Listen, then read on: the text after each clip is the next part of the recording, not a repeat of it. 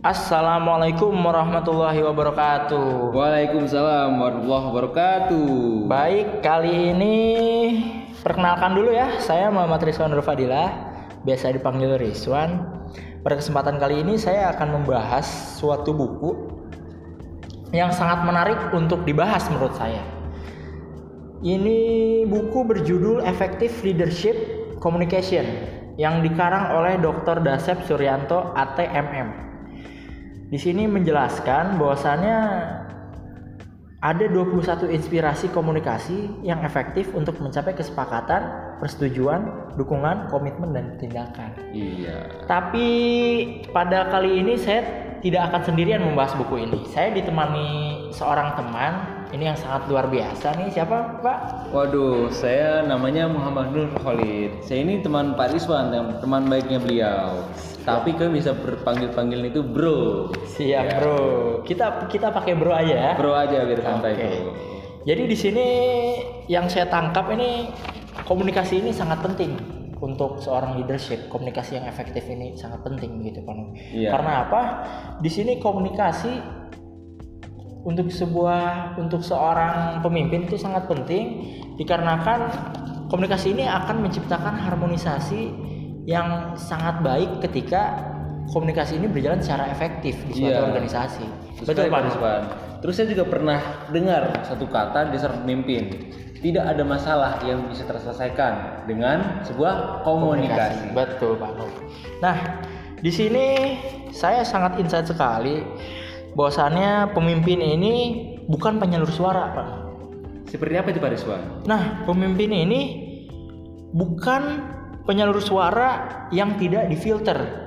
Bahwasannya di sini maksud saya pemimpin ini bukan seperti sebuah pengeras, pengeras suara yang hanya menyalurkan pesan saja. Iya. Nah, di sini pemimpin harus bisa memfilter pesan itu agar pesan yang disampaikan kepada orang itu bisa memotivasi orang seperti itu. Iya. Pak.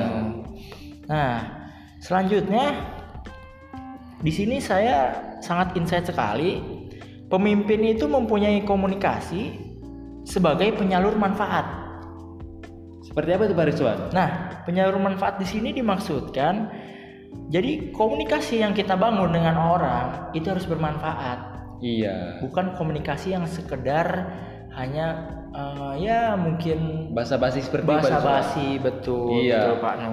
Karena Jadi, ya menurut saya juga seseorang itu tidak akan bersemangat Betul. jika berkomunikasi yang tidak menghasilkan sebuah manfaat Betul. bagi dirinya sendiri atau bagi lingkungannya. Betul sekali Pak Nu. Jadi di sini saya saya saya sangat setuju apa yang dikatakan buku ini bahwasannya pemimpin ini sebagai penyalur manfaat Pak Nu. Iya Pak Rizwan. Betul sekali. Lalu di sini saya juga sangat em, insight bahwasannya pemimpin ini harus menjadi pendengar yang baik. Karena apa Pak Nuh?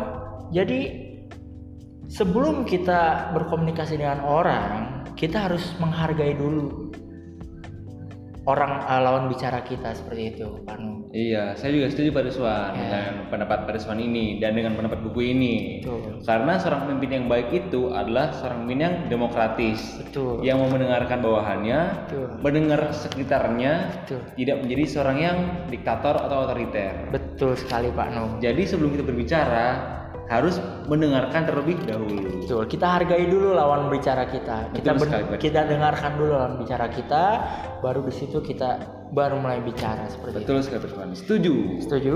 Setuju. Nah, yang terakhir Pak Nuh, saya sangat insight sekali bahwasannya pemimpin ini harus menjawab kebutuhan seorang karyawannya. Iya, seperti apa itu Pak Rizwan? Jadi seperti ini, ketika em, saya saya saya menjelaskan bahwa dalam komunikasi itu setiap orang memiliki kebutuhan, betul Pak Nuh? Betul sekali Pak Rizwan. Nah, jadi ada baiknya kebutuhan lawan bicara kita lawan bicara kita itu kita dengarkan dahulu. Iya. Betul? Betul sekali. Nah, setelah mendengarkan kebutuhan lawan bicara kita, baru di situ kita bisa eh, apa namanya? berbicara tentang kebutuhannya dia sendiri.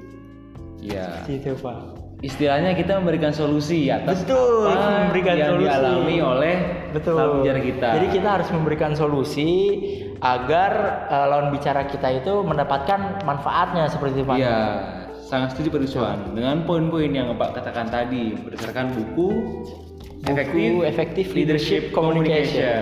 Siap. Mungkin sekian saja podcast kali ini. Terima kasih buat Pak Nuh nih sudah menemani saya Sama-sama, Pak podcast Rizwan. ini. Sama. Semoga pembahasan ini bermanfaat buat kita berdua, Pak Nuh. Dan buat pendengar tentunya, Betul, buat pendengar juga. Iya. Ya. Terima kasih sekian dari kami. Saya Rizwan pamit undur diri dan teman saya. Saya Muhammad Nur Khalid juga pamit undur diri. Wassalamualaikum warahmatullahi wabarakatuh.